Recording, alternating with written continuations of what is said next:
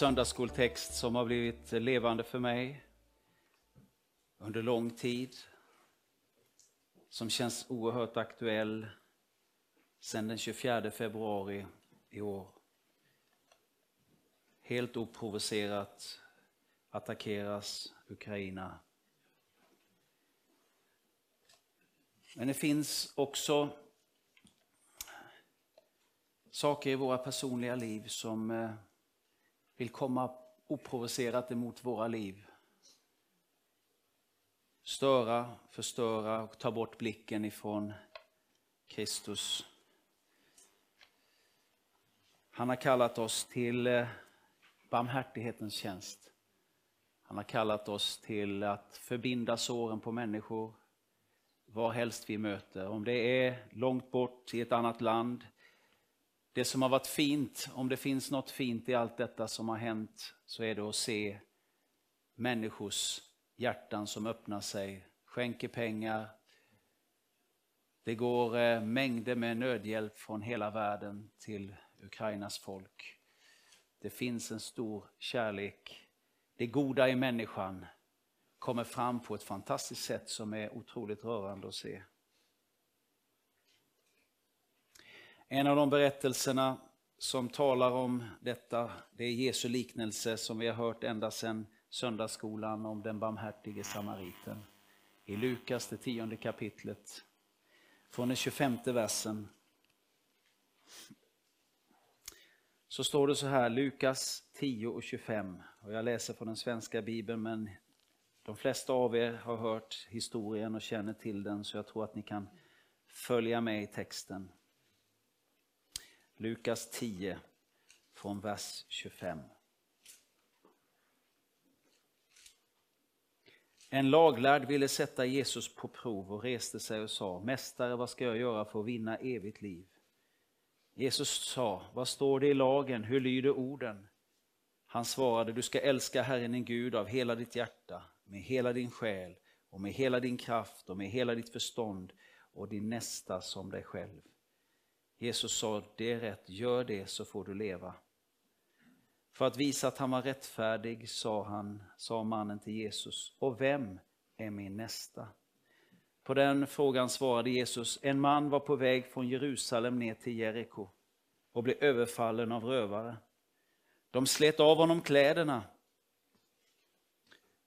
och misshandlade honom och sedan försvann de och lät honom ligga där halvdö. En präst råkade komma samma väg och när han såg mannen vek han åt sidan och gick förbi. På samma sätt med en levit som kom till platsen och när han såg honom vek han åt sidan och gick förbi. Men en samarier som var på resa kom och fick se honom ligga där och han fylldes av medlidande. Han gick fram, hällde olja och vin på såren och förbanden. Sedan lyfte han upp honom på sin åsna, förde honom till ett värdshus och skötte om honom. Nästa dag tog han fram två denarer och gav åt värden och sa, sköt om honom. Kostar det mer ska jag betala dig på återvägen. Vilken av dessa tre tycker du var den överfallne mannens nästa? Han svarade den som visade honom barmhärtighet. Då sa Jesus, gå du och gör som han. Du har hört den här historien många gånger. Det är ju en liknelse som Jesus ger. Den här kan en tre, fyra, femåring förstå huvudtanken med att vi ska vara goda och snälla mot varandra. Vi ska göra gott, hjälpa varandra. De judiska rabbinerna säger att Guds ord har många skikt. Det finns många lager i Guds ord. Så när du är i min ålder, i din ålder så hela tiden upptäcker du nya saker i Guds ord. Det finns dolda skatter. Så den här bibelberättelsen den läser man inte en gång i livet och så är det färdigt. Man läser den inte tio gånger och så är man färdig. Man läser den hela livet och hela tiden kommer det nya saker fram. Den här laglärde som kom till Jesus, han ville på något sätt visa att han var rättfärdig och fråga Jesus, vad ska jag göra? Vad ska jag göra för att vinna evigt liv? Det är ju en sån eh, fråga ett sånt spörsmål som människor har. Vi hade en svensk, har en svensk sångare som heter Timbuktu, ingen kristen, men han skrev en låt som heter Alla vill till himlen men ingen vill dö. Vi vill ha evigt liv. Och därför frågar den här laglärde, vad ska jag göra? Du vet bibelordet, älska din Gud av hela ditt hjärta, hela din själ, hela ditt förstånd, med din tanke och din nästa som dig själv. Allt det där har jag hållit sedan jag var ung. Ja,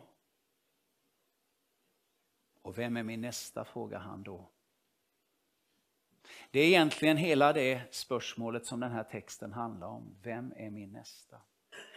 Och så Jesus tar fram denna liknelsen. Den är oerhört provocerande.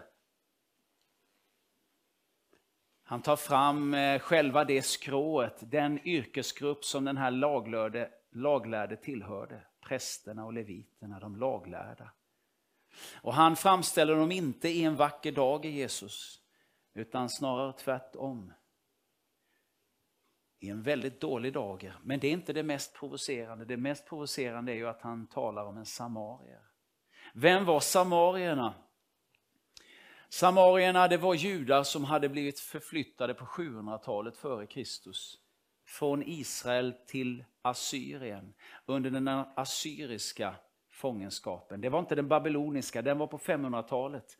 Skillnaden mellan de här två Eh, fångenskapen eller folkförflyttningarna det var att i den assyriska eh, fångenskapen så höll inte judarna sig till sig själva utan de assimilerades med folkslagen där. De gifte sig med deras flickor och flickorna, de judiska, gifte sig med de assyriska pojkarna och det var inte det värsta, utan det var att de också började luckra upp den judiska tron. De bjöd in de här österländska religionerna och filosofierna och så beblandades man. Man höll fast vid Moseböckerna men sedan tog man in en massa andra saker också. Sedan kom en hel del av dem tillbaka till Israel, men då föraktades de av judarna därför de hade gjort så här. Så de placerades i Samarien. Och det är därför man inte ville ens gå in i Samarien. Man vill inte ha med det här folket att göra. När Jesus då säger att det var en samarier som gjorde gott, så var det otroligt provocerande för de som stod där och inte minst för den här laglärde. Först trycker han till hans egen yrkesgrupp och så lyfter han upp några som var föraktade. Man kan ju undra, även om det är en liknelse, varför gick prästen förbi? Man får ju på något sätt måla bilden själv också med Guds ord. Vad kan det ha varit som gjorde att prästen gick förbi? Kan det ha varit så att prästen såg den där eh, eh, det var ju inte Samarien som låg halvdöd, det var ju en av hans eget folk. Man kunde ju tyckt att det varit Samarier så kanske han kände det där är inte mitt uppdrag. Men det var en av hans eget folk som låg halvdöd. Kanske var det så att prästen kände, nej, jag sysslar med andliga ting. Jag sysslar med förkunnelse, jag sysslar med det som har med templet att göra. Och förresten så har jag min prästkåpa och prästskrud på mig. Jag vill inte få blod och kroppsvätskor. Och, och förresten, där bak kommer det ju en levit. Det är ju perfekt. Leviterna, det var diakonerna, det var de som skötte det sociala arbetet, det praktiska runt omkring templet. Det är hans jobb. Och förresten har jag ett sammanträde som börjar snart. Ett viktigt sådant. Så prästen går förbi. Och så kommer leviten. Och han går också förbi. Varför gick han förbi? Det var hans uppdrag. Kan det ha varit så att han tittade längre bort och där gick hans andliga ledare, prästen. Och det verkar inte som hans andliga ledare brydde sig. Varför ska jag bry mig då? Han är ju mitt föredöme och han brydde sig inte. Nej, då gör inte jag det heller. Alla är vi förebilder för någon. Alla leder vi någon. Nej, nej, nej, det är ingen som tittar på mitt liv. Det vet du inte. Du kanske är en förebild bara i ditt eget hem. Vad du talar, vad du säger, hur du lever, hur du handlar, hur du handskas med medmänniskor, vad du talar om vid köksbordet. Alla är vi föredöme för någon. Så leviten vill inte heller befatta sig med det där, inte heller smutsa ner sig. Och varje gång jag tänker på den här historien så tänker jag på den historien jag hörde av Carl Lindström. Eh, han är pastor i Skarnäs. En del kanske vet vem Carl Lindström är. Han berättade för mig när vi satt i bilen en gång och skulle till ett möte, sa han, jag satt så här i bilen med Ludvig Karlsson. Och Ludvig Karlsson, för er som inte vet vem det är, han var ledare för Evangelicenter, det vet ju de flesta av er. Startade Evangelicenter tillsammans med sin hustru Lise.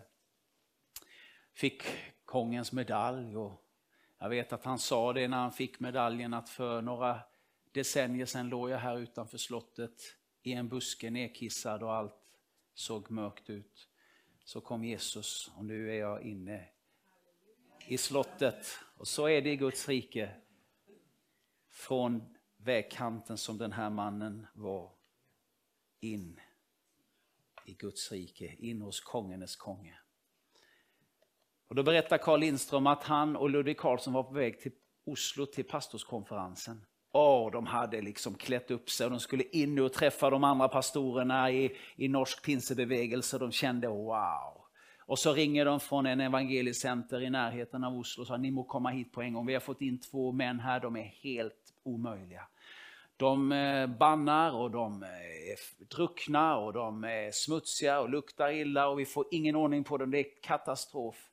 Och Carl Lindström känner, kan ingen annan ta hand om det?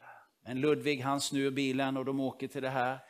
Och så ser han Ludvig Karlsson gå in och krama om en av de här, lägger sig vid sidan om honom och, och talar till honom och säger det finns hopp för dig, det finns framtid för dig, det kommer att bli bra. Och Karl han får göra samma för han ser ju exemplet Ludvig. Så han kramar om den andra och de lugnar dem och det tar en eller två eller tre timmar och så har de nyktrat till och de liksom får talat dem till rätta, eller rätta, men på något sätt roar de ner.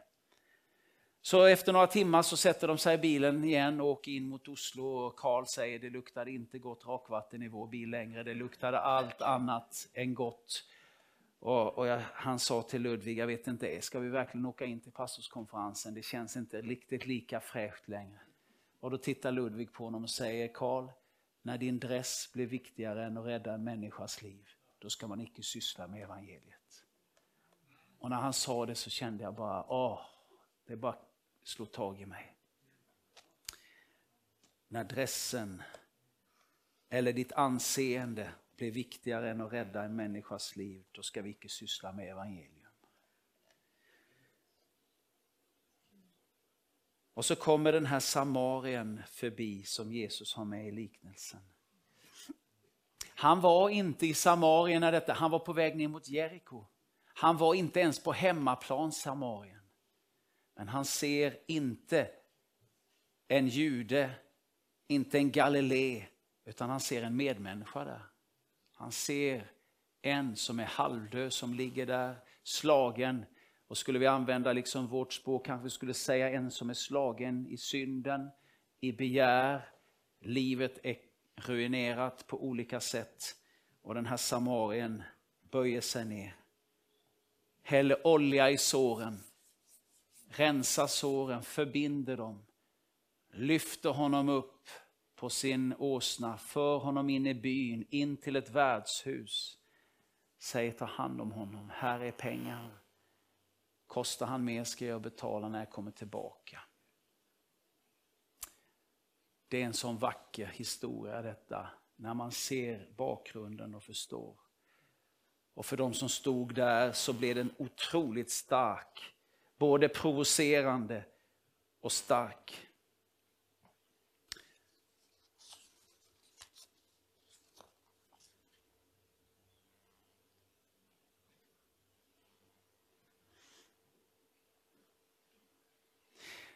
Vet du att den här historien handlar också om Jesus? Det är Jesus som är Samarien. Han som var föraktad av sina egna. De vill inte veta av honom. De spikade fast honom på ett kors. Och ändå så böjde han sig ner i ödmjukhet. Filipperbrevet säger att han blev en tjänare. Han lämnade himmelens härlighet, kom till dem som var hans egna, men de egna ville inte ta emot honom. Men ändå kom han hit och förband våra sår. Lyfte oss upp satte oss på eh, sitt rikes vagn, förde oss in i sitt rike, betalade priset för oss och sa att kostar det mer så ska jag betala när jag kommer tillbaka. Nu behöver det inte betalas, allt är färdigt, det är fullbrakt. Men skulle det behövts så hade han betalt det sista när han kommer tillbaka på himmelens sky en dag. Och så tänker jag, ja, vad har den med oss att göra år 2022? Det har någonting med hur vi ser på varandra, hur vi ser på människor. Hur vi använder våra liv. Hur vi använder våra ägodelar. Jag läste just en psalm här innan mötet. Att den rike, han får ingenting ta med sig när han dör. Men den som har sått in i evighetens rike, som har hjälpt dem som har legat längs vägkanten, deras rikedom består i evighet. Du vet, det var en som skrev, han chefredaktör för svenska tidningen Dagen, Pinsebevegelsens eh, dagstidning i Sverige. Han skrev en artikel en gång och bara överskriften tog tag i mig. Problemet i Sverige just nu det är att menighetens folk vill ha samma som världen. Du vet, vi är glada för vår Volvo ända till nabon kommer med sin Tesla. Då räcker inte Volvo längre. Dåligt exempel, men ni förstår. Det kommer till mig den här historien. Hur prioriterar jag? Hur gör jag med min tid, min kraft, mina ägodelar? Hur ser jag på människor? Och Det är så spännande. Det var någon som sa till mig, Mikael, har du tänkt på Jesus sista spörsmål här? Läs igen ifrån vers 36. Slå upp era biblar. Kan man få upp vers 36? Nej, kan man, nej. Men jag ska läsa den på svenska. Jag hoppas att, att det är samma. Lukas 10.36 så ställer Jesus ett sista spörsmål till den här rättfärdige mannen.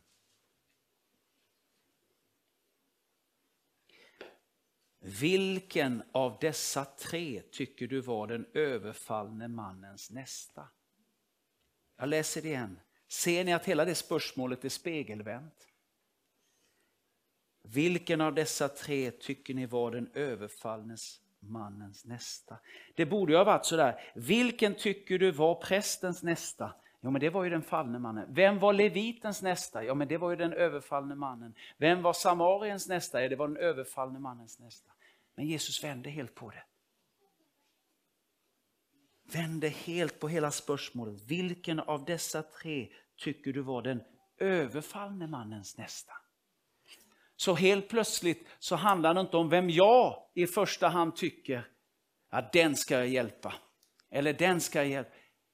Spörsmålet är, vem i Malmö kan säga, om du spörer dem, vem är din nästa? Och Mikael Järlestrand är min nästa, för han gjorde gott mot mig. Det låg inte på mig, utan, för, känner ni vad jag menar? Det blir mycket mer allvarligt då. För då kan inte jag slå mig för bröstet och säga, titta jag har hjälpt honom och jag har hjälpt honom, jag är en god nästa. Nej, är det någon annan som kan säga att Mikael Järlestrand eller du är deras nästa? Bara himmelen vet. Och för mig blir det allvarligt. Nu vet vi att det finns ingen fördömelse, så jag är inte här för att vi ska få dåligt samvete. Men jag är här för att vi ska hålla oss vakna. Och att vi ska se och öppna våra ögon för de människor vi möter. Varje dag möter vi människor som behöver hjälp. Varje dag behöver vi människor som behöver din omtanke och din kärlek. Kanske dina pengar också. Du vet det sista som blir frälst det är plånboken, det är lomaboken. Den sitter hårt. Vi kan göra mycket men kanske det är den du behöver bli löst ifrån. Eller någonting annat, vad vet jag. Ska vi be. Tack Jesus för att ditt ord är så underbart, denna härliga söndagsskolberättelse som är så vacker, kan också tala till oss i vuxen ålder. Herre, gör oss barmhärtiga som du är barmhärtig. Herre, vi vill inte komma och lägga bördor på folk, vi vill komma och lyfta av bördor. Vi vill vara en utsträckt hand som säger det finns nåd, sanning och barmhärtighet för ditt liv. Och för att Jesus älskar dig så vill jag ge dig vad du behöver just nu, vad det än är. Herre, gör oss generösa. Låt oss gå in i evigheten, fattiga möjligtvis på det materiella, men rika på människor vi har fått vara med och föra hem till dig. Jesus, rena oss ifrån själviskhet, ifrån egen rättfärdighet. Fyll oss med barmhärtighet, nåd och sanning. Och så vet vi att en dag kommer du tillbaka. Halleluja. Då ska vi få stå ansikte mot ansikte med dig. Och vi har blivit renade i ditt blod. Tack Jesus för att vi kan aldrig förtjäna det, men du har sagt vad ni har gjort mot en av dessa mina minsta, det har ni gjort mot mig. Och vi vill göra mycket för dig Jesus, för du har gjort allt för oss. I Jesu namn. Amen. Halleluja. Tack Jesus. Jesus, jag bara ber just nu för var och en av oss. Ge oss kärlek, ge oss barmhärtighet, ge oss generositet. Att vi kan visa på dig. Visa på han som har gett allt för mänskligheten. Jag tackar dig Jesus. För att när du kommer tillbaka så vill vi möta dig med glädje och ha många människor med oss. Halleluja Jesus. Du vet var och en här som på något sätt kanske känner att just nu ligger jag vid vägkanten. Herre, jag ber att människor runt omkring ska öppna ögonen och se det.